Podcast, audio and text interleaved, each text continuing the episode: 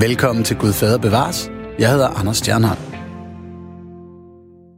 Velkommen til Gud Fader Bevares. Mit navn er Anders Stjernholm, og jeg er ateist.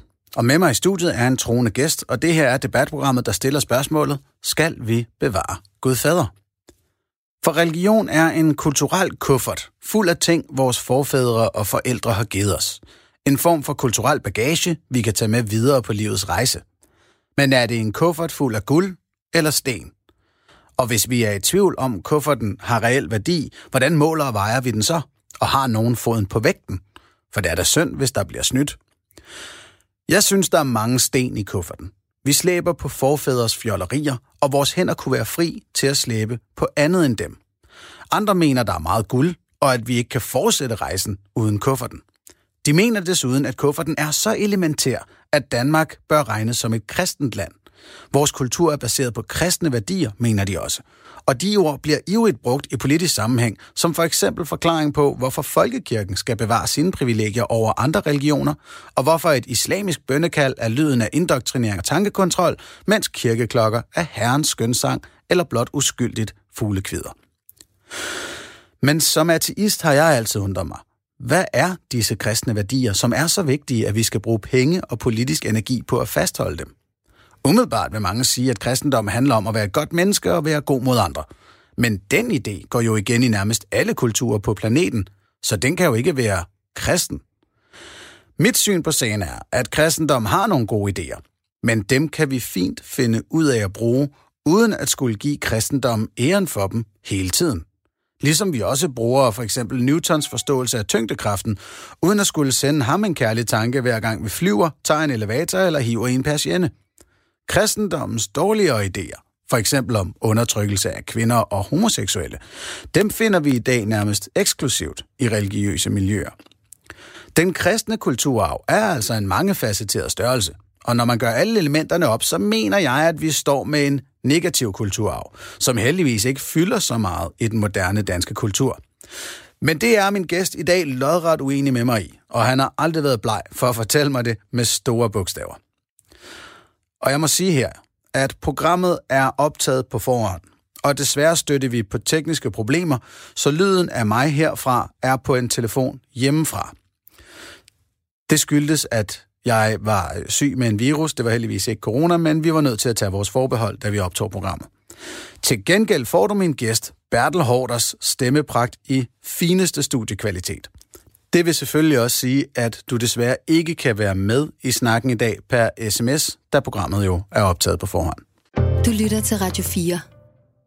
Hvordan har kristendom bidraget til de moderne værdier, vi har i Danmark anno 2020?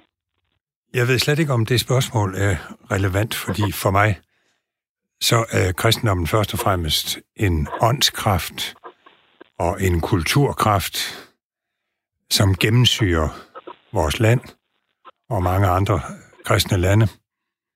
Øh, det er så at sige det vand, vi svømmer rundt i, den luft, vi indånder. Det gennemsyrer vores litteratur, arkitektur, musik og kunst i lange baner. Og hvis man fjernede øh, den kristne kulturarv, så ville det blive uendelig fattigt. Uendelig fattigt. Det ville være værre end, en, et bombeangreb, der udslettede alle smukke bygninger. Altså, øh, man kan jo ikke lave om på, at man øh, er vokset op i en kristen kultur. Det kan man ikke lave om på. Man har lov til at gøre oprør mod det, og man har i hvert fald lov til at beskrive alle de dårlige ting, som er sket i kristendommens navn. Øh, det er jo helt forfærdeligt mange dårlige ting. Men øh, man skal også lige huske, at man skal ikke nødvendigvis give for eksempel øh, Jesus, give ham skylden for det. Han prædikede et kærlighedsbudskab – han gjorde op med lovreligionen, med farisæerne. Han gjorde op med dem, der ville bruge religionen til at slå andre i hovedet med. Og da så øh, katolicismen alligevel begyndte at, at bruge kristendommen som magt, redskab. så gjorde Luther oprør, så fik vi en reformation, og øhm, den endte jo også i en hel masse øh, tyranni. Og så gjorde Grundtvig oprør, og sådan er det at være kristen, det er sådan set et stadigt oprør. Og så vil jeg også lige sige, at når du præsenterer mig som troende, så er jeg jo ikke idiot. Øhm, jeg har den samme tvivl som alle andre, man kan slet ikke tro uden at tvivle. Øh, selv Jesus tvivlede, da han hang på, kortet, på korset. Der sagde han, min Gud, min Gud, hvorfor har du forladt mig? Så tro og tvivl hænger sammen. Altså, dem du kalder troende, de er jo ikke idioter. Øh, jeg har selv øh, sagt øh, i et radioprogram for nylig, at øh, jeg har en lille tro. Og jeg kan huske tidligere højskoleforstander Paul Dam, som sad i Folketinget, han talte altid om, at folkekirken skulle også rumme den lille mand med den lille tro. Og, og dem hører jeg til. Og hvis nogen har besvær med trosbekendelsen, så kan jeg bekende, at det har jeg også. Især når den synges på den hæslige melodi, som bruges i næsten alle kirker. Jeg ved ikke noget værre. Jeg tvinger mig selv til at tænke på noget andet, fordi melodien er så forfærdelig. Og jeg har jo også, jeg har også store problemer med indholdet i trosbekendelsen. Så, så Anders, folk som er troende, de er altså ganske almindelige mennesker med tvivl, men de er stærkt præget af den åndskraft, som kristendommen er og altid har været. Der er en del ting, øh, vi, vi kan dykke ned i her. Øh, det første, jeg lige vil høre dig om, det er det, du siger det her med, at øh, troende er ikke idioter. Hvorfor har du behov for at sige det? Fordi du og andre ateister samtidig behandler os og beskriver os, som om vi er idioter.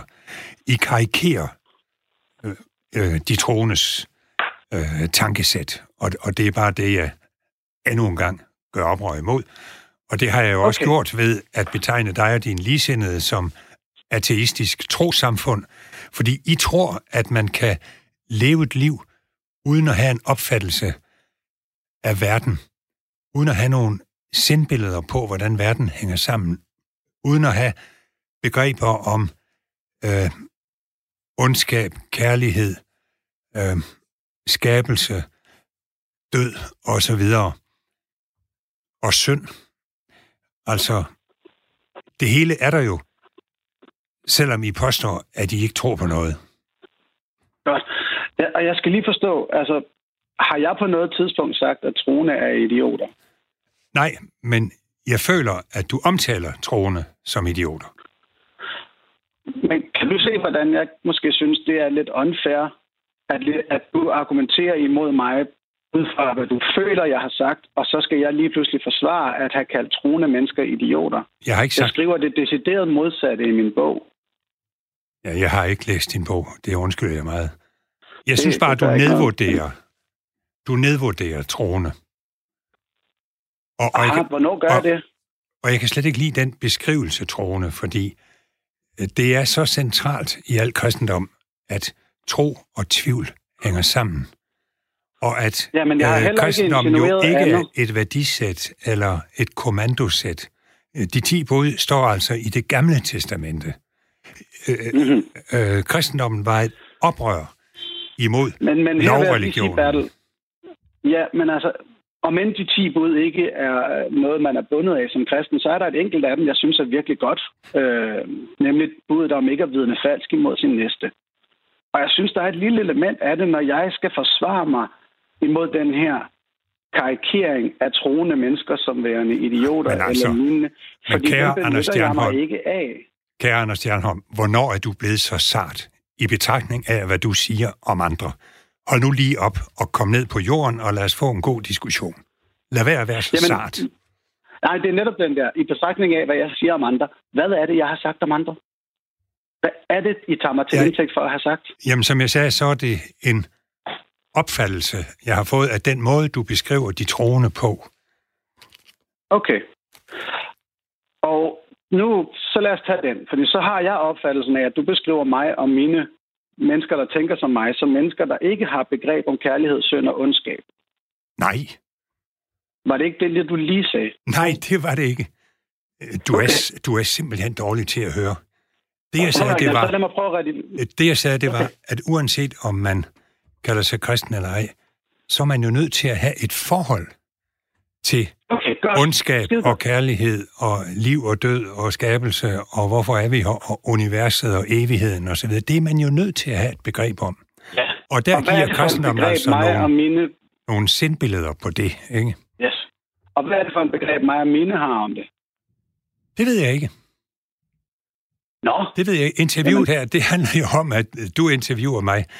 Jeg har ikke sat mig ind i dine... Øh, alright. Nå, det er jo bare fordi, i din formuleringer lød det meget som om, at vi måtte have en mangelfuld forståelse af de her ting, når nu vi ikke oh, men du i har, kristendomsforståelse af den. du har været med til at føre en kampagne imod kirken og kristendommen, og jeg har været kirkeminister, ja. og derfor skal du ikke lave om på, at det har du gjort. Og så er det bare, at jeg siger, jeg synes, den kampagne er præget af nedvurdering. Ja, du, men, men du nu er glemmer, lidt på vej at væk øh, tvivlen altid med... følger med, og at, øh, øh, at Yep. der også er plads til den lille mand med den lille tro, og dem hører jeg altså til. Jamen, og det er helt fint. Det mener jeg, Jeg bestemt, at jeg altid har givet plads til. Godt nok. Jamen, det mener jeg da bestemt også, at jeg altid har givet plads til. Og det er det, jeg synes lidt, jeg diskuterer imod nogle, nogle strømmand her. Og igen, vi kom fra det her med, om vi har begreb for kærlighed, synd og ondskab. Og det vil man bestemt mene, vi har. Og jeg har også flere gange forklaret, hvordan det begreb hænger sammen. Og det er så, som du selv siger, ikke det program, skal handle om. Jeg vil bare ikke så gerne slås imod mod din fortolkede opfattelse af, hvad jeg går ud på. Snarere, hvad jeg faktisk har sagt og Men- gjort. Men på et tidspunkt, så må du altså gøre op med dig selv, om ordet er frit her i dit program. Det er det bestemt. Det må Jeg du gøre op med dig komme- Jeg prøver blot at fordybe mig i, hvad Jeg siger, hvad der passer mig. Det bliver du nødt til at vende dig til. Og det værdsætter jeg. Det skal du vide, Bertel. Men prøv at høre, så lad os hoppe videre til noget af det andet her. Øh, Jesus gjorde op med en religion, der ikke skulle bruges til at slå folk oven i hovedet. Ja. Det synes jeg lyder rigtig dejligt. Og du siger så, at det er en gennemsyrende åndskraft. Øhm, så den kan vel nærmest ikke fjernes. Man kan ikke fjerne de kulturelle aftryk, som jo ses i kirkerne, i musikken, i arkitekturen, i, i sprogbruget især. Altså, det indgår jo i vores sprogbrug, og det indgår selvfølgelig også i vores øh, opfattelse af tilværelsen.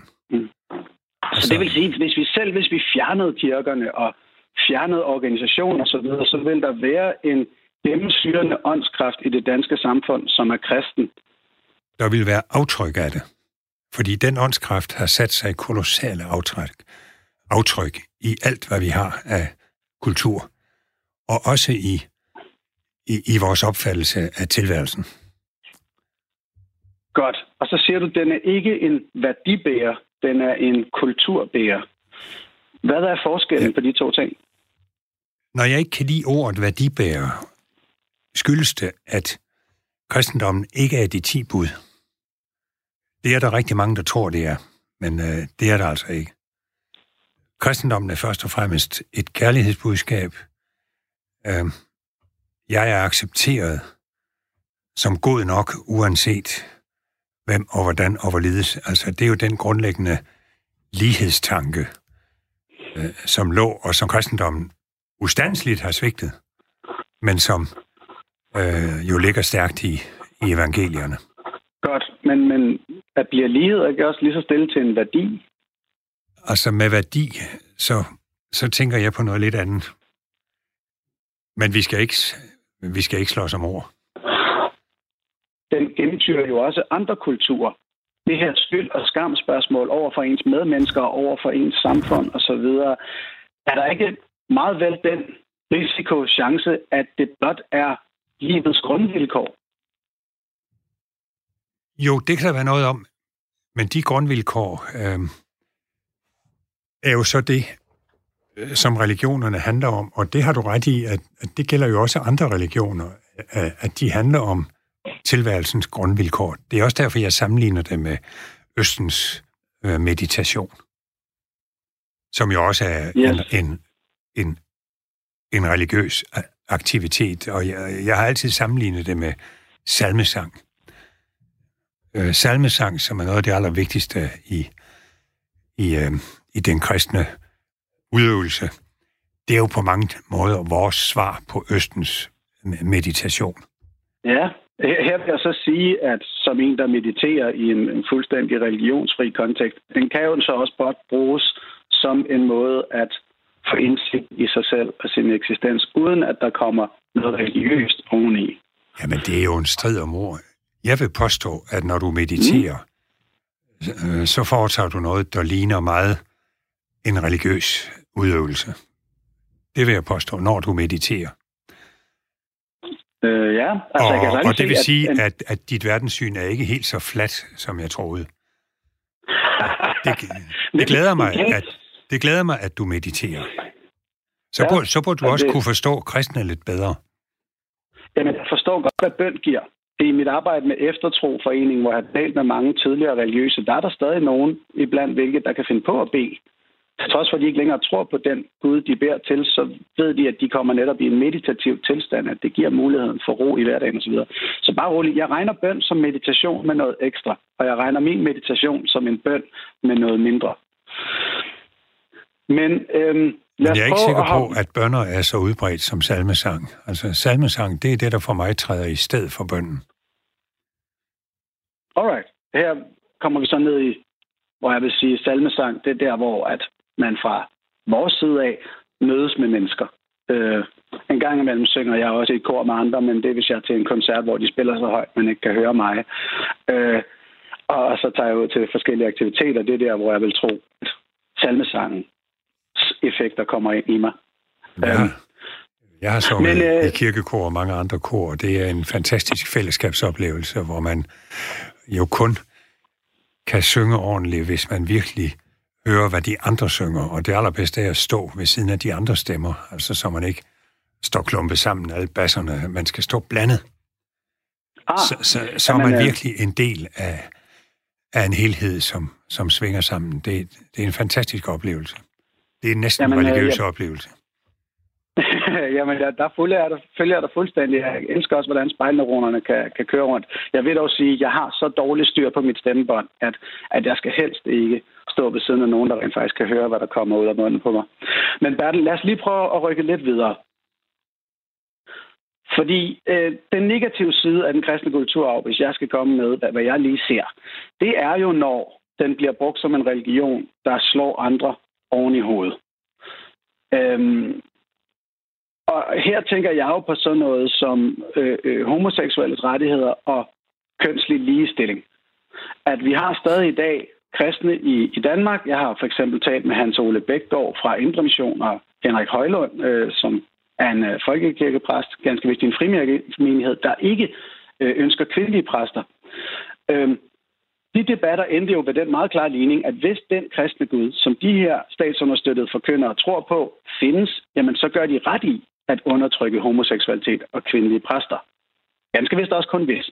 Men her er jo tale om, i mine øjne, direkte kristen kulturarv som at de her kristne præster bliver værdsat og praktiseret. Øhm, vil du medgive mig, at kvindeundertrykkelse og homofobi også er elementer af den kristne kulturarv?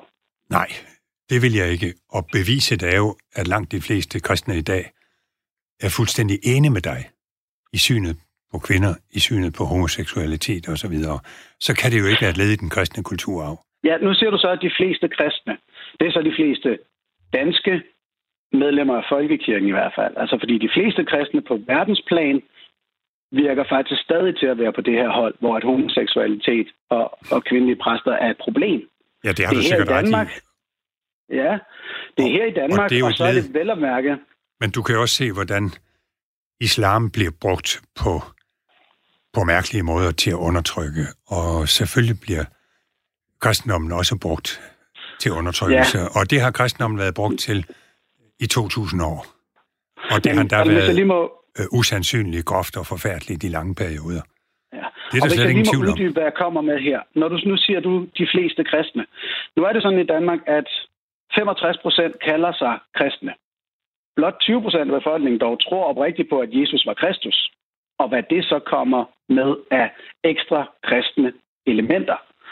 Øh, og det er derfor, jeg i det her program har haft diskussionen om, hvornår tæller man egentlig som kristne som, som en egentlig kristen.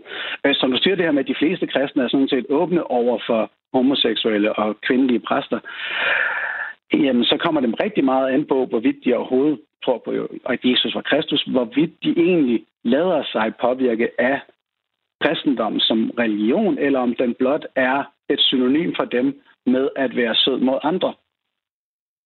Det skræmmer det der ikke lidt, at når man kigger på det her, hvis vi bare som kigger rundt omkring i Danmark, omkring hvor har kvinder gode muligheder, og hvor hersker der øh, øh, homofobi, hvor er der undertrykkelse, så er det gerne i de mest religiøse elementer af vores samfund. Det er jeg jo ikke sikker på. Hvis du går ind i, i Røde Korsbutikkerne, så tror jeg, der står ualmindeligt mange kristne frivillige der.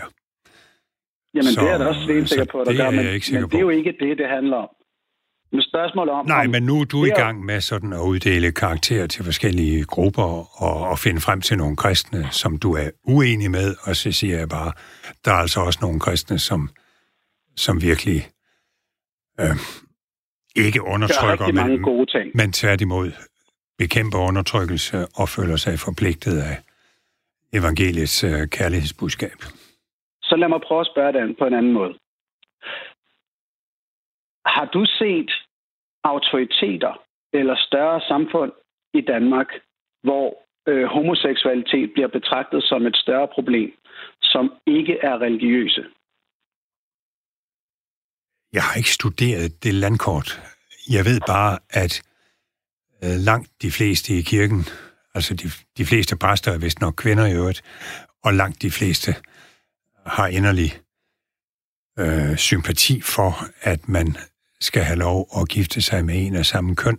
Det, der har været diskussionen, det har været, øh, skal det så kunne foregå i kirken, og, og skal den kirkelige velsignelse have retskraft, og det er så endt med, ja, det skal den. Men jeg kan ikke se, at øh, specielt da jeg er sønderjyde, så kan jeg ikke se, at det er så slemt, at man skal hen på kommunen og få det klaret, for, for det skal sønderjyderne fra gammel tid, ja. så, Jamen. så, så, så, så har deres kirkelige hvilse jo ikke på samme måde retskraft. Ja, og jeg beklager, men jeg synes, vi bevæger os ud i noget whataboutery her. Fordi uh, forvaltningsmæssigt, så er vi også ganske enige om, at det ville være dejligt, hvis du var henne på kommunen, det foregik, og at det slet ikke var noget praktisk problem. Men de steder i Danmark, hvor, og det er min påstand, hvor homoseksuelle øh, øh, diskrimineres, eller kvinder, øh, der er jobs, de ikke må få, for eksempel det at være præst, og hvor kvinder holdes ned, de har en religiøs fællesnævner. Jeg har i hvert fald ikke, og nu siger jeg, at jeg har gjort det fællesarbejde, jeg har ikke spottet nogen sted i samfundet, hvor man med noget som helst andet end religion i hånden går ind og diskriminerer på den her måde. Ved du hvad, nu, nu er du ligesom fordomsfuld som, som den museumsperson på Statens Museum for Kunst, som skrev... Hvorfor, når jeg siger, har jeg som skrev, Jamen lad mig lige give uh, det søde eksempel. Uh, det var i den der vidunderlige Anna Anker-udstilling. Der var der så en tekst under et vidunderligt billede, hvor der stod, at Anna Anker, på trods af, at hun var religiøs, så omgikkedes hun med dybt frisindede mennesker. Og det der med, at det skulle være en modsætning at være religiøs og være frisindet og omgås med alle slags mennesker, det øh, forstår jeg ikke. Og hvis du, hvis du kigger i Bibelen, så vil du altså se, at hvis der var nogen, der havde omgang med alle tænkelige mennesker, toller og søndere, som der står, ja, så var det jo altså vor herre selv. Yes. Og nu er det ikke fordi, at folk ikke ønsker omgang med de her forskellige mennesker. Når jeg har talt med for eksempel Hans Ole Bækgaard og Henrik Højland, så siger de jo også, at de har det fint med homoseksuelle og med kvinder. Der er blot en systemisk øh, øh, diskrimination, et systemisk krav til, at homoseksualitet er altså stadigvæk en synd, og at kvinder kan ikke blive præster. Og de ting sker kun i religiøse dele af vores samfund. Jeg vil sige, det, Øh, hvordan vil, du, hvordan vil du bevise, at fordomme kun findes i de religiøse dele af samfundet? Det er altså ikke min erfaring. Vil det, sige, det, at alle, ikke... vil det sige, at alle, der kalder sig øh, kommunister for eksempel, og, og derved per definition er ateister, skulle de have færre fordomme end kristne?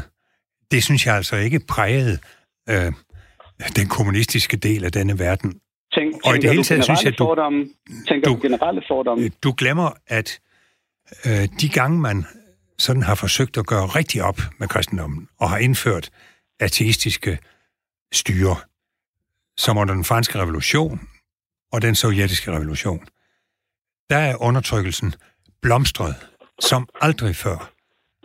Undertrykkelse findes jo alle steder, hvor der er mennesker. Man skal ikke forveksle det med, øh, med religion. Du lytter til Radio 4. Du lytter til Gud Fader Bevares, hvor jeg i dag taler med Bertel Hård omkring, hvad der er kristne værdier. Og Bertel, nu kommer du... Altså, vi kom fra det her med, altså, at jeg mener, at de steder i vores samfund, hvor kvinder holdes nede og homoseksuelle holdes nede, der er det som oftest med religion i hånden. Det er næsten eksklusivt, vil jeg faktisk påstå, med religion i hånden. Og når jeg så spørger dig, hvor er der ellers fordomme af den art, så går du ind og siger, at generelt set fordomme mange steder i samfundet, og så gik du i gang med whataboutery omkring kommunismen, og dernæst associationsbeskyldning omkring, at i de kommunistiske, ateistiske samfund, der har der været stor grad af undertrykkelse og folkemord osv. Jeg har svært ved at se, hvad det har at gøre med, og det er ikke fordi, altså fordi jeg kunne tale meget længe om de her beskyldninger, du kommer med, men de er bare langt væk fra det her med, er undertrykkelse af homoseksuelle og kvinder en del nu, af den kristne kulturarv. Øh, nu tror jeg lige, du skal til at holde op. Altså, det er dig, der kommer med beskyldninger. Hele tiden. Og hvor du ja, det er siger, du udpeger dem, som er kristne, de, de er mere imod homoseksuelle, de er imod, imod at kvinder skal have ligeret og så videre. Det er dig, der kommer med mm. den beskyldning, og du har jo fuldstændig ret i, at fordomme trives alle steder. Også i folkekirken og så videre.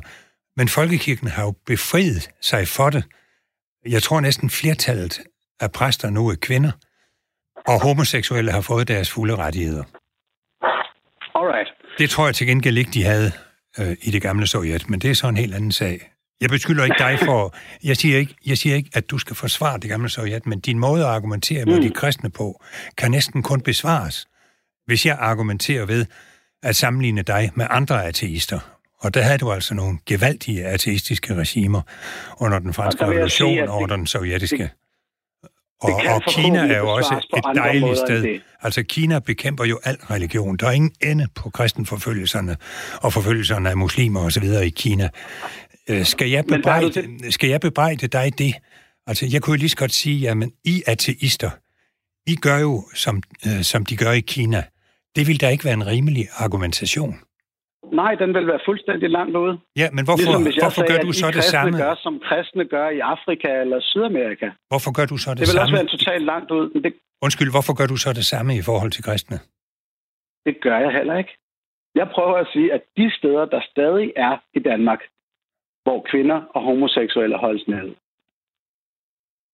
de er overvejende mere religiøse end resten.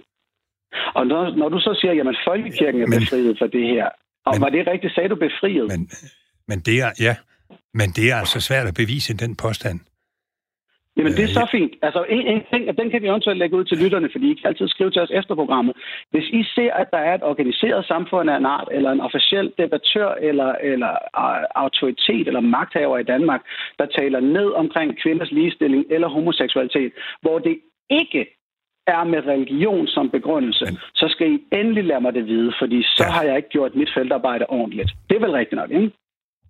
Nej, altså på den måde kan både du og lytterne jo spilde deres tid ved at øh, gnave i et problem, som er løst, og som kunne hjælpe mig også at løst i kirken. Nu siger du, det er løst, fordi altså, der er stadigvæk 20 procent af ja, folkekirkens præster, der ikke vil vi homoseksuelle. Jamen, og folkekirken er stadigvæk undtaget fra ligebehandlingsloven omkring, at man ikke må søge efter et bestemt køn i sine ansættelser. Jo, Den er ikke formelt men, ligestillet. Men det vigtigste er jo de 80 procent, og at man bare kan gå et andet sted hen, hvis man ikke kan lide præsten. Aha, så, så man er ikke som sådan diskrimineret i folkekirken, når man altid kan flytte til et andet sted? Nej, hvad tænker du på? Tror du, at, Nå, okay, at, at, at det var folkekirken, der generelt diskriminerede mod kvinder og homoseksuelle? Nej, nej, jeg spørger dig, eftersom der er, altså hvis man er et folkekirkemedlem i øh, Ringkøbing og omegn, så kan det være lidt svært at finde en præst, der vil vi en og ens øh, homoseksuelle kæreste. Det tror jeg ikke. Det er simpelthen en påstand, der ikke passer. Spændende. Lad os endnu en gang få lytterne til at, at melde ind om det her. Jeg er selvfølgelig ked af, at I ikke kan være med på sms'erne i dag, men det er, fordi vi har måttet optage det her program inden. Og hvis vi nu går bort fra det her med kvinder og homoseksuelle, og lige lægger den ned, så, så er det jo et spørgsmål om, øhm, også politisk, om hele det her med den kristne kultur og de kristne værdier skal understøttes. Øh, vi har talt inden programmet med Marie Vejrup Nielsen, som er lektor i religionsvidenskab på Aarhus Universitet og forsker i kristendommen som samtidsreligion. Rasmus Søgaard interviewede hende om den her debat om kristne værdier i det moderne Danmark. Altså man kan sige, ligesom med de andre store værdispørgsmål, så er forskning ikke enig i, om øh, man kan sige, at øh, kristendom bredt eller en bestemt kristen tradition er årsag til øh, bestemte udviklinger i det moderne samfund. Så på den ene side er der forskning, og også, øh, kan man sige, mest berømt sådan en øh, kæmpe forsker som Max Weber, som jo mener, at kapitalismen vokser ud af en bestemt form for kristendom, altså simpelthen den moderne kapitalistiske logik. Og øh, så er der jo andre, der ser på velfærdsstaten, for eksempel i Danmark, som er specifikt luthersk, dansk luthersk historie. Og så er der jo på den anden front folk, der siger, at det er ikke rigtigt. Altså at det der med at sige, at en bestemt religiøs tradition har bidraget til moderniteten, det er simpelthen historieforfalskning. Og løgn er der også folk, der har svunget sig op til at sige. Øh, og at moderniteten den vokser ud af et kolossalt opgør med kristendommen. Har vi, har vi noget forskningsmæssigt belæg for at sige, at en, en statslig understøttelse af bestemte idéer, øh, for eksempel kristendommen, har en, en god effekt? Det er en, øh, virkelig også et godt spørgsmål. Man kan sige, at i Danmark har der været en tradition for, øh, altså Anders Fogh blev jo rigtig berømt for det i reaktionen på dengang med Mohammed-krisen og hele diskussionen om Danmarks ja, ytringsfrihed over for øh, reaktioner i visse muslimske miljøer. Der taler han om sammenhængskraft, og det blev meget berømt, det der ord, han brugte. Og der siger han jo for eksempel, at folkekirken spiller en central rolle som værn mod øh, radikaliseret religion, er jo for så vidt det, han argumenterer for. Så der har været en politisk, sekulær logik, som har sagt, at folkekirken, og det har der også andre eksempler på historisk, at folkekirken som organisation, kan man sige, og dansk kulturkristendom, som man kalder det, virker som et værn mod farlig religion. Men på den anden fløj er der jo også folk, øh, mere ude i værdidebatten, som ser det som dybt problematisk, at man ligesom har et bestemt trosamfund, der har den her særstatus. Men det, som jeg synes er mest interessant, det er, at når man gør kristendom til kulturarv, så ændrer man lidt spillereglerne. Øh, kristendom bliver et fælles dansk anlæggende mere, end det bliver et specielt trosamfund. Og dermed så handler det ikke så meget om, hvad man selv tror på, eller hvad man er medlem af, men mere om man overhovedet kan leve i Danmark uden at sige ja til en kristen kulturarv. Hvornår, hvornår er det blevet vævet så, øh, så tæt sammen med danskheden, som det er i dag? Altså det er noget den her kobling af kristendom og danskhed, som jeg synes er super spændende at forske i, men også kompliceret. Der er selvfølgelig nogle historiske kæmpe centrale øh, tidspunkter, og det er jo omkring dannelsen af Danmark efter grundloven, og Grundtvig er jo nok den, som flest øh, tænker på, når man tænker på sammenvævningen af det eventuelt nationalromantiske og kristne og danske. Øh, men der er masser af forskellige sådan, ansatser til det, men det, som jeg har interesseret mig mest for, det er selvfølgelig nu, øh, fordi min profil er samtidsreligion, og vi ser slut 90'erne og ind i det nye øh, årtusind en opblomstring af, af det her med at tale om kristendommen som en dansk værdi. Og det giver en masse også øh, utrolig spændende og forvirrede diskussioner, og jeg har prøvet at liste dem lidt op, og det her med for eksempel om svinekød, er det kristent? Det er det selvfølgelig ikke i udgangspunktet, men på grund af, at debatten jo kommer til at handle om muslimers danskhed, så bliver nogle markører, der ikke før har været centrale, øh, lige pludselig centrale. Så svinekød bliver en dansk værdi, men er det så også en kristen værdi? Altså man krydser etniske og religiøse identiteter. Og det giver det her øh, meget, ja, det her moras af diskussioner om, øh, hvad det egentlig er at være dansker som øh, lige nu jo fortsætter med at give nogle sværslag i den danske værdidebat. Og det sagde altså Marie Vejrup Nielsen, lektor i religionsvidenskab og forsker i kristendom som samtidsreligion.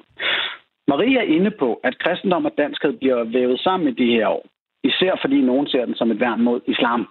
Og det betyder, at for eksempelvis svinekød sågar kan blive en kristen værdi i nogens øjne. Hvad, hvad synes du om den udvikling, Bertel? Det er en dybt øh, diskvalificerende udtalelse, at svinekød skulle være en kristen værdi. Altså, hvordan kan hun få sig selv til at sige det? Det må have været en fortalelse. Og det er i hvert fald under alle omstændigheder det rene, glade, hudende vrøvl, at svinekød skulle være en kristen værdi. Det er jo igen at, at, at sidestille kristendommen med islam, for hvem øh, svinekød jo er haram, altså det må man ikke røre. Men kristendommen er ikke pro-svinekød.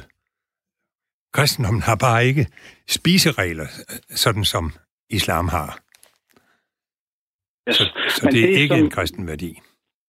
Men det, som Marie taler om, det er den her relativisering af kristenbegrebet, som jo gør, at lige pludselig så er ting som øh, ligestilling og menneskerettigheder og demokrati øh, kristne værdier. Øh, det er mere den udvikling, jeg egentlig ja. vil spørge dig til. Jeg har godt set i den der øh, demokratikanon, at man der nævner øh, kristendommen som en, en demokrati befordrende religion. Og, og selvfølgelig er der noget om, at det kristne budskab er for alle, inklusive søndere og undertrykte, og den var jo avanceret derved, at den i allerhøjeste grad også var for kvinder. Så der er lidt om det, altså at det, at alle har den samme værdi, det er svært at komme udenom, at det er noget, der gennemsyrer den kristne kultur og også det kristne evangelium. Så vidt så rigtigt. Alright. Så, så det vi kommer til her, det er det her med, at, at kristendommen, siger du i starten af udsendelsen, er en gennemsyrende åndskraft, øh, og ja. mere en kultur end en værdibærer. Øh, men der er vel stadigvæk nogle værdier, man ligesom skal sige, de er kristne, sådan så man ikke bare kan komme med hvad som helst og sige, det her er også en kristen værdi. Er, er det rigtigt forstået? Ja, men, men vi skal hele tiden huske på opgøret med farisæerne, med lovreligion, og på Luthers opgør med Romerkirken. Altså det der med, at gode gerninger, at, at det giver frelsen, det er altså netop det, der er gjort op med. Så, yes. så jeg ser ikke rigtigt det problem. Det er også derfor, jeg reagerer lidt imod at sige, at kristendommen består af værdier. Så lugter jeg lidt, at man ser kristendommen som en lovreligion. Og det er lige præcis det, den ikke er. Så det er den her kultur, der, der er vigtig. Og er den et værn imod islam, i dine øjne? Øh, I så fald er den jo et ret dårligt værn. Nej. Øh, jeg, jeg synes jo først og fremmest, at det er spændende, at islam og kristendom og jødedom har de samme rødder. Og at vi har det gamle testamente fælles. I hvert fald store dele af det gamle testamente. Det synes jeg er spændende. Og så er så spørgsmålet for sådan en som mig, der står udenfor og kigger på mødet mellem islam og kristendom, og tidligere har kigget på mødet mellem forskellige kristne øh, retninger, og man kan også se forskellige islamiske retninger, der møder hinanden, så er jeg jo en, der har lyst til at sige, at den udveksling burde ske på fuldstændig fri og lige vilkår. Øh, du til gengæld mener, at den kristne kulturarv bør have nogle privilegier i forhold til de andre. Er det korrekt? Ja, jeg mener for eksempel, at kristendomsundervisning i skolen er i orden, og ovenikøbet er vigtigt som led i kultur, øh, erkendelsen. Og øh, mm. jeg mener også, at øh, vi godt kan tillade os at have en folkekirke, øh, som den vi har, fordi øh, de andre trosamfund, de har jo skattefradrag. Det har medlemmerne af Folkekirken ikke. Og øh, de, de 40 procent af præstelønningerne, som staten betaler, det svarer jo cirka til det, som det under alle omstændigheder ville koste at holde kirkerne og kirkegårdene. Du skal lige tænke på de fantastiske ja. kulturværdier, vi har stående rundt omkring i landet. Yes. Og, her vil jeg og, så bare og de skal jo passes at, under alle omstændigheder. Og da ja. jeg var kirkeminister, der forsøgte jeg jo at omlægge statsstøtten, sådan så statsstøtten ikke skulle gå til præstelønninger, men i stedet skulle gå til vedligehold af, af, af kirker og, og, og kirkegårde. Godt. Og der her vil jeg bare hurtigt sige, at det regnstykke er vi to ikke enige om. Øh, Mette Bock har også været inde på det i en tidligere udsendelse. Og desværre har vi ikke tid til at folde det ud, den uenighed. Men hvis jeg kan prøve at spørge lidt mere principielt. Øhm, hvis den kulturarv er så stærk og god og gennemsyrende og vigtig, burde den så ikke kunne klare sig på helt liberale, frie vilkår? Jo, det kan man sige. Men man skal jo også have lidt respekt for traditioner. Altså, kirken har altid været der. Eller i hvert fald i tusind år i Danmark. Ja, ind, indtil der var noget andet, der altid havde været der, som kirken skiftede ud. Jo, jo. Altså, men jeg har altså stor respekt for historien og for traditionen. Man kan ikke skifte kultur, som man skifter skjorte. Og øhm, mm. kirkelivet er altså oldgammelt i, i vores samfund, og jeg synes, det har øh, moderniseret sig selv. Øh, kirken er domineret af dybt frisindede mennesker, og, ja. og derfor øh, så ser jeg ikke det problem, som du ser. Men, så det vil sige, nu øh, men jeg er med på, kigger... at der bør være en form for ligestilling det er der jo også i Norge. der har de jo en ligestilling i form af, at alle andre trosamfund kan få deres del af kirkeskatten. Og øhm, ja. det kunne vi også gøre i Danmark, men vores model er altså, at de andre trosamfund har skattefradrag, det har folkekirkemedlemmer ikke. Og skattefradrag har jo stor værdi i Danmark, fordi skatten er så høj. Og når du lægger skattefradraget ja. oveni, at disse kulturmindesmærker, øh, kirkerne, middelalderkirkerne, kirkegårdene, under alle omstændigheder skulle holdes, så tror jeg altså, at regnestykket går lige op. Men det kan ja, vi ikke afgøre her, ja. og det... Ja. Øh, ja Ja, jeg, jeg har også 26 forskellige ting, jeg har lyst til at sige. Ja. Øh, men, men jeg vil ikke gå ned i det der regnstykke. Mere det principielle her. Øh, fordi du taler om, at vi skal bevare den her kultur, den her tradition. Og nu er det også to, der står og kigger på kufferten, som er, er fuld af guld og sten. Og vi kan ikke blive enige om, i hvilket omfang, at det er mest guld og flest sten. Øh, og vi prøver at veje den. Hvorfor er det vigtigt, at vi økonomisk understøtter lige den her del af traditionen? Hvorfor skal vi ikke bare se, hvor meget af den, der er stærk nok til at blive ved med at være her? Fordi ideen om den gyldne regel, ideen om bud nummer 8 om ikke at lyve om andre osv., de er fremragende, og vi benytter os også af dem. Men ideen om moralske absolutter og en medfødt skyld, og at homoseksuelle ikke det... skulle have samme rettigheder som os osv., dem vil vi gerne pille ud. Men alle de første idéer, du nævnte, de har bare ikke noget med kristendom at gøre. Øhm, øhm, jeg synes, det er vigtigt, at man kender sit lands kultur. Jeg synes, det er vigtigt, at når man læser dansk litteratur, hører dansk musik, ser øh, danske kirker osv., at, at man så forbinder noget med det. Øhm, jeg synes faktisk, at øh, kristendomsundervisning er temmelig dårlig. Der er alt for mange, også i medierne, som til synligheden ikke har fået noget som helst begreb om, hvad kristendom er, og, og, og som lufter de værste fordomme, som man krummer til. Så øh, der er i hvert fald ikke for meget oplysning om, hvad der er det grundlæggende i den danske kristne tradition. Hvad tænker du her på? Hvem lufter, lufter hvilke fordomme? Jamen, utallige gange, så så hører man jo studieværter og andre sige, at, øh, at kristendom det er noget med de ti bud. Og det er altså øh, et åndsfattigt og forkert udsagn. Men jeg er sikker på, at de tror, det er rigtigt. Men de har fået dårlig oplysning. Det er derfor, jeg ikke synes, jeg, jeg synes ikke, det er et overgreb, at vi har kristendomsundervisning. Og du skal lige vide, hvis der er en, der kæmper for, at kristendomsundervisningen skal være frivillig, så er det mig. Øh, der var nogen, mm. der ville gøre den obligatorisk, lige da jeg kom i Folketinget. Jeg fik det stoppet sammen med Paul Dam, som jeg nævnte for lidt siden. Øh, så var der igen nogen, der ville gøre det obligatorisk, blandt andet Religionslærerforeningen. Men jeg har stået op imod det, og heldigvis så lyttede Lars Lykke til mig, så det kom ikke med i hans regeringstid, at vi skulle gøre kristendom obligatorisk i folkeskolen. Og det har jeg altså en del af æren for. Så ikke bare ønsker jeg ikke at påtvinge nogen kristendomsundervisning. Jeg kan bevise, at, at øh, jeg har stået for det synspunkt. Og også har haft succes med det. Fordi kristendomsundervisning er frivillig i dag. Der er jo et stort set ingen, der bliver sig fritaget. Øh, selv muslimer øh, fritager meget sjældent deres børn. Og det er jo fordi, de godt erkender, at de bor i et kristent land, og måske er det sundt for deres børn at få lidt kristendomsundervisning. Yes.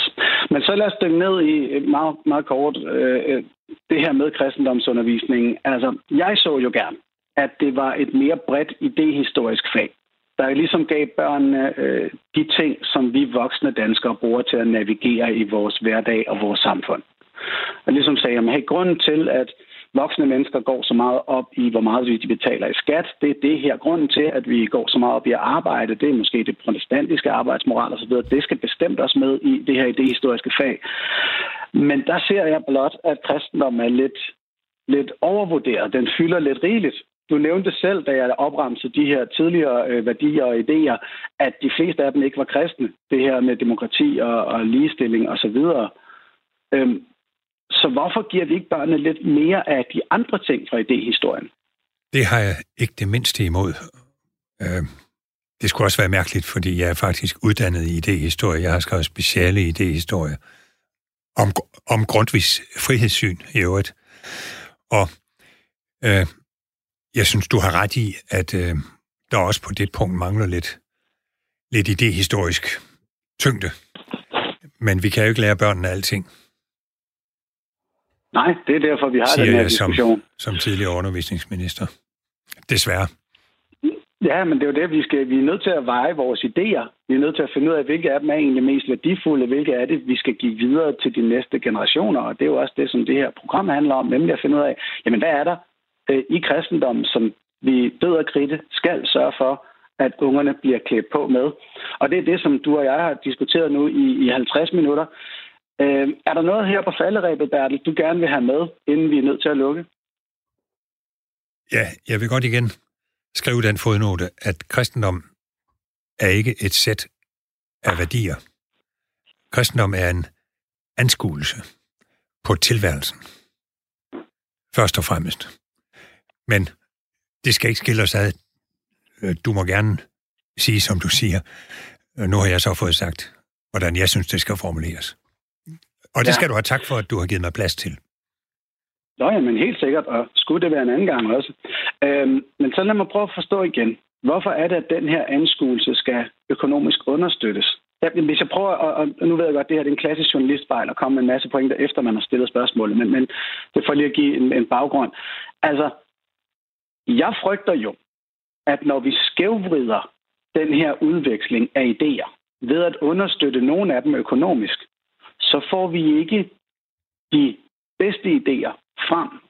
Når det marked for idéer ikke er helt liberalt, så risikerer vi, at vi holder fast i dårlige idéer for længe, hvilket jo er min primære anklage ved for eksempel religion og stærk ideologi. Så, så hvor, kan du trøste mig lidt, hvorfor er det den gode idé at understøtte kristendommen? Det er en god idé, at mennesker, der vokser op i Danmark, at de ved, hvad det er for et land, de vokser op i. Hvad det er for anskuelser, som har præget landet på godt og ondt, og også hvad det er for en udvikling, øh, den kristne åndskraft har været igennem. Og hvis man synes, at børn skal have begreb om kultur i skolen, så er man altså nødt til at give dem kristendomsundervisning. Og den kristendomsundervisning skal ikke være en undervisning i idéer. Det skal være en undervisning i den bibelske fortælling. Især i de små klasser. Der er det den bibelske fortælling. Fordi den fortælling er så central i vores kultur. Den gennemsyrer vores sprog og vores musik osv., som jeg hele tiden har sagt. Så det er et led i, at de, der vokser op, skal vide, hvad det er for en kultur. De indånder. Ja, og, og, og det er jo så her, der, jeg kan mærke, at grundlæggende der er en forskellighed i os, fordi jeg kan ikke se, at den her kultur er så voldsomt kristen.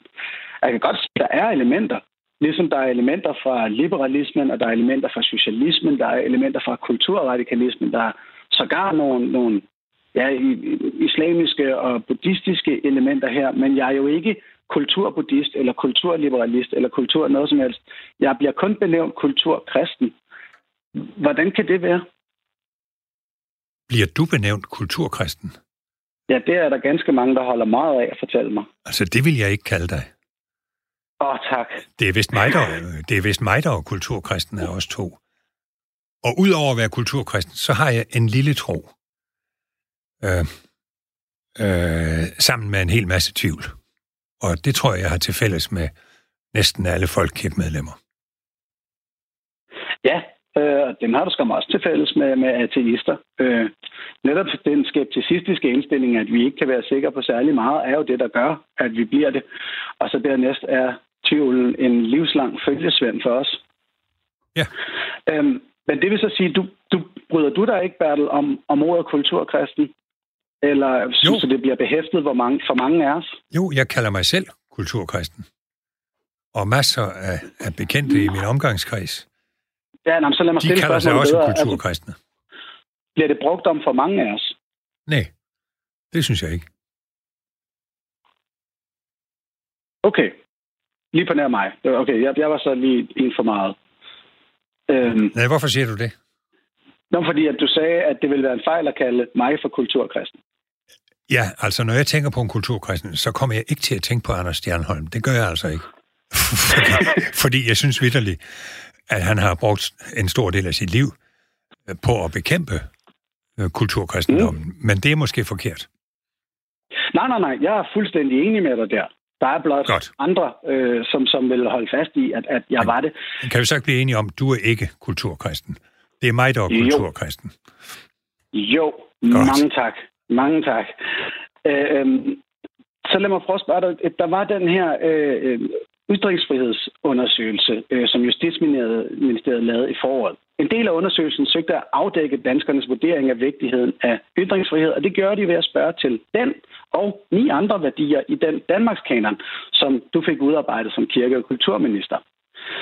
Øh, her vurderes den kristne kulturarv meget lavere end de ni andre værdier. Øh, værdi nummer 11, det er deltagende folkestyre, som ikke kom med i kanonen, øh, øh, kunne godt se, som om den havde været lidt mere væsentlig i danskernes øjne. Altså når man kigger på resultaterne, så var det sådan noget med at tillid, lighed for loven, ytringsfrihed og velfærdssamfundet. De scorede alle sammen 9 eller lidt over på en skala fra 1 til 10 i vigtighed. Øh, dernæst kom kønsligestillinger helt ned til hygge, der scorede 7,8, og den kristne kulturarv scorede 6,0. Øhm, er det ikke et lille tegn på, at, at der er flere af os øh, i dag, der er, sådan set ikke vægter den kristne kulturarv synderligt meget højere end de, de andre, og er du ked af den udvikling? Nu skal jeg fortælle dig noget, der vil overraske dig. Øh, jeg har jo selv afgivet stemme i den meningsmåling.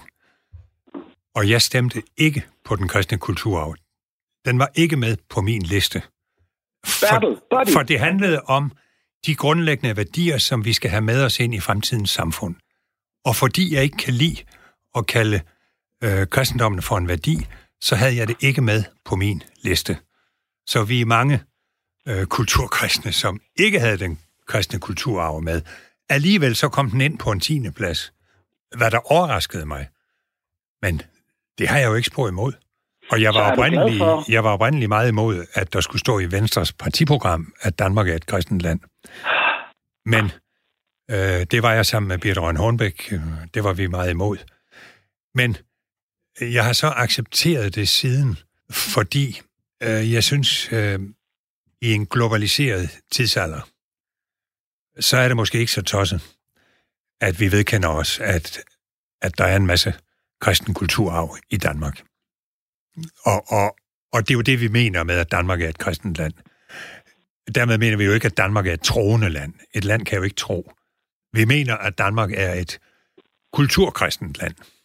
Og det synes jeg er svært at bestride. Øhm, ja, det er meget, meget svært at bestride, når, når det her, ja, den her kultur stadig kan være lidt svær for os at få defineret. Fordi, ja, her til sidst, hvis du kan hjælpe mig en gang til, hvad er det udover at være søde ved hinanden? Og, og lighedstanken, som så ikke betyder økonomisk øh, lighed. Øh, nu gør du igen kristendommen Ja, undskyld, til, det var, det var unfair, det der. Nu gør du igen kristendommen til noget, der har med de ti bud at gøre. Der står, at man skal elske sin næste som sig, øh, som sig selv. Og det er også... Nå ja, men, men du sagde, Og- og du det er sagde selvfølgelig også en del- den kristne kultur i den grad var en lighedstanke. Right? Ja, det må man sige. Og den- Altså, at evangeliet beskriver jo, øh, hvordan Jesus behandler alle dem, der er nederst øh, på samfundets rangstige. De udskudte. Han fremhæver indvandreren, samaritaneren. Han, han fremhæver, han, han øh, frelser pestramte og så videre. Han vandrer virkelig rundt ned på bunden af samfundet. Og derfor synes jeg ikke, det er så mærkeligt, at man, at man kan få den idé, at, at, at øh, i det kristne kærlighedsbudskab, der er der noget, der rækker ud til alle. Og at kristendommen derfor har givet et bidrag til, til demokratiet på den indirekte måde. Men det er en meget indirekte måde. Yes. Ja, sagde tilfældigvis så er demokratiet jo altså opstået i kristne lande. Det er måske ikke helt tilfældigt. Bertel Hårder, vi må lukke her. Jeg er da utrolig glad for, at vi nåede at få, få udvekslet en del af den her øh, kristne kulturarv. Vi ser stadig ikke helt ens på, om den er, er en kuffert fuld af guld eller en kuffert fuld af sten. Men jeg er glad for mange af de ting, vi nåede at se, se ens på. Øh, og her til sidst også, at du var imod at skrive øh, Øh, kristendom ind i regeringsgrundlaget. Det er jeg meget, meget glad for at høre. Så tusind tak til min gæst i dag, Bertel Hårder. I redaktionen er Bjarke Stender og Rasmus Søgaard, og jeg håber, vi lyttes ved næste gang i Gud fader bevares.